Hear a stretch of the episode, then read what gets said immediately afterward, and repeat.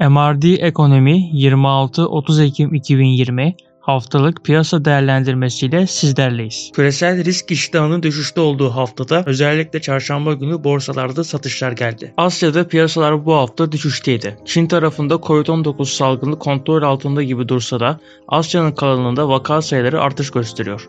Özellikle Hindistan'da vaka sayısının 8 milyonu geçmesi tedirginliğe sebep oluyor. Borsalar bu hafta satıştaydı. Haftanın son işlem gününde piyasalarda para çıkışı arttı. Geçen hafta %1.75 düşen Şangay Endeksi bu hafta %1.63 düştü. Japonya'da geçen hafta kısmen olumlu görünümün ardından bu hafta %2.29 düştü. Hong Kong'da Hang Seng Endeksi geçen hafta %2 civarı getiri sağlarken bu hafta %3.26 düştü. Avrupa'da pandeminin ikinci dalgası başladıktan sonra ülkelerin tedbir ve kısıtlamaları artıyor. Bölgede sokağa çıkma yasakları uygulanmaya başladı. Hükümetlerin kısıtlayıcı tedbirleri halkın protesto gösterilerine sebep oluyor. Bölge bir yandan hastalığı kontrol altına almaya çalışırken diğer yandan da protestoları kontrol altına almaya çalışıyor. Karantina kararlarının tedirgin ettiği piyasaları Avrupa Merkez Bankası Aralık ayında daha fazla teşvik geleceği sinyaliyle bir miktar rahatlattı. Hafta içi Euro bölgesi 3. çeyrek büyüme verisi geldi. Söz konusu dönemde %12.7 büyüme gerçekleşerek tahminleri aşmayı başardı. Üçüncü çeyrekte %8.2 büyüyen Almanya'da DAX endeksi bu hafta %8.61 düşüş yaşadı. Pazartesi ve çarşamba sert satışlar gördüğümüz bölgede İngiltere'de FTSE 100 endeksi haftayı %4.83 kayıpla kapattı. Fransa'da da haftalık %6.42 kayıp vardı. Hafta boyunca dolar karşısında değer kaybeden euro haftalık %1.8 civarında düştü ve euro dolar paritesi 1.164 seviyelerine geldi. Amerika'da önümüzdeki önümüzdeki hafta seçimler yapılacak. Bu hafta seçim öncesinde doların güçlendiği gözlendi. Borsalar düşüşteydi. S&P 500 haftalık %5.6 düştü. Bu haftada para kazandırmayan Dow Jones %6.47 düştü. Nasdaq tarafı da piyasalara paralel seyrederek %5.5 düşüş ile haftayı bitirdi. Türkiye'de dünya borsalarında gelen satışlardan payını aldı. Borsa İstanbul Cumhuriyet Bayramı vesilesiyle 29 Ekim ve arifesinde 1,5 gün işleme kapalıydı. BIST 100 endeksi bu hafta %6.50 %57 düştü. Yukarıda 1190 seviyesi görülen haftada aşağıda 1095 seviyeleri test edildi. Türk lirasındaki değer kaybı ve yakın bölgelerdeki pandemi ile alakalı yaşanan gelişmeler satışlarda etkili oldu. Yurt içinde açıklanan bazı veriler vardı. Turizm gelirleri geçen yılın 3. çeyreğine göre %71 azalırken ziyaretçi sayısında da %75'lik azalma vardı. Dış ticaret istatistiklerinde ihracat 2020 Eylül ayında geçen yıla göre %4.8 arttı, ithalat ise %23 arttı. Eylül ayında geçen yılın aynı ayına göre %189 artan dış ticaret açığı Ocak-Eylül döneminde %79.5 artış göstermiş oldu.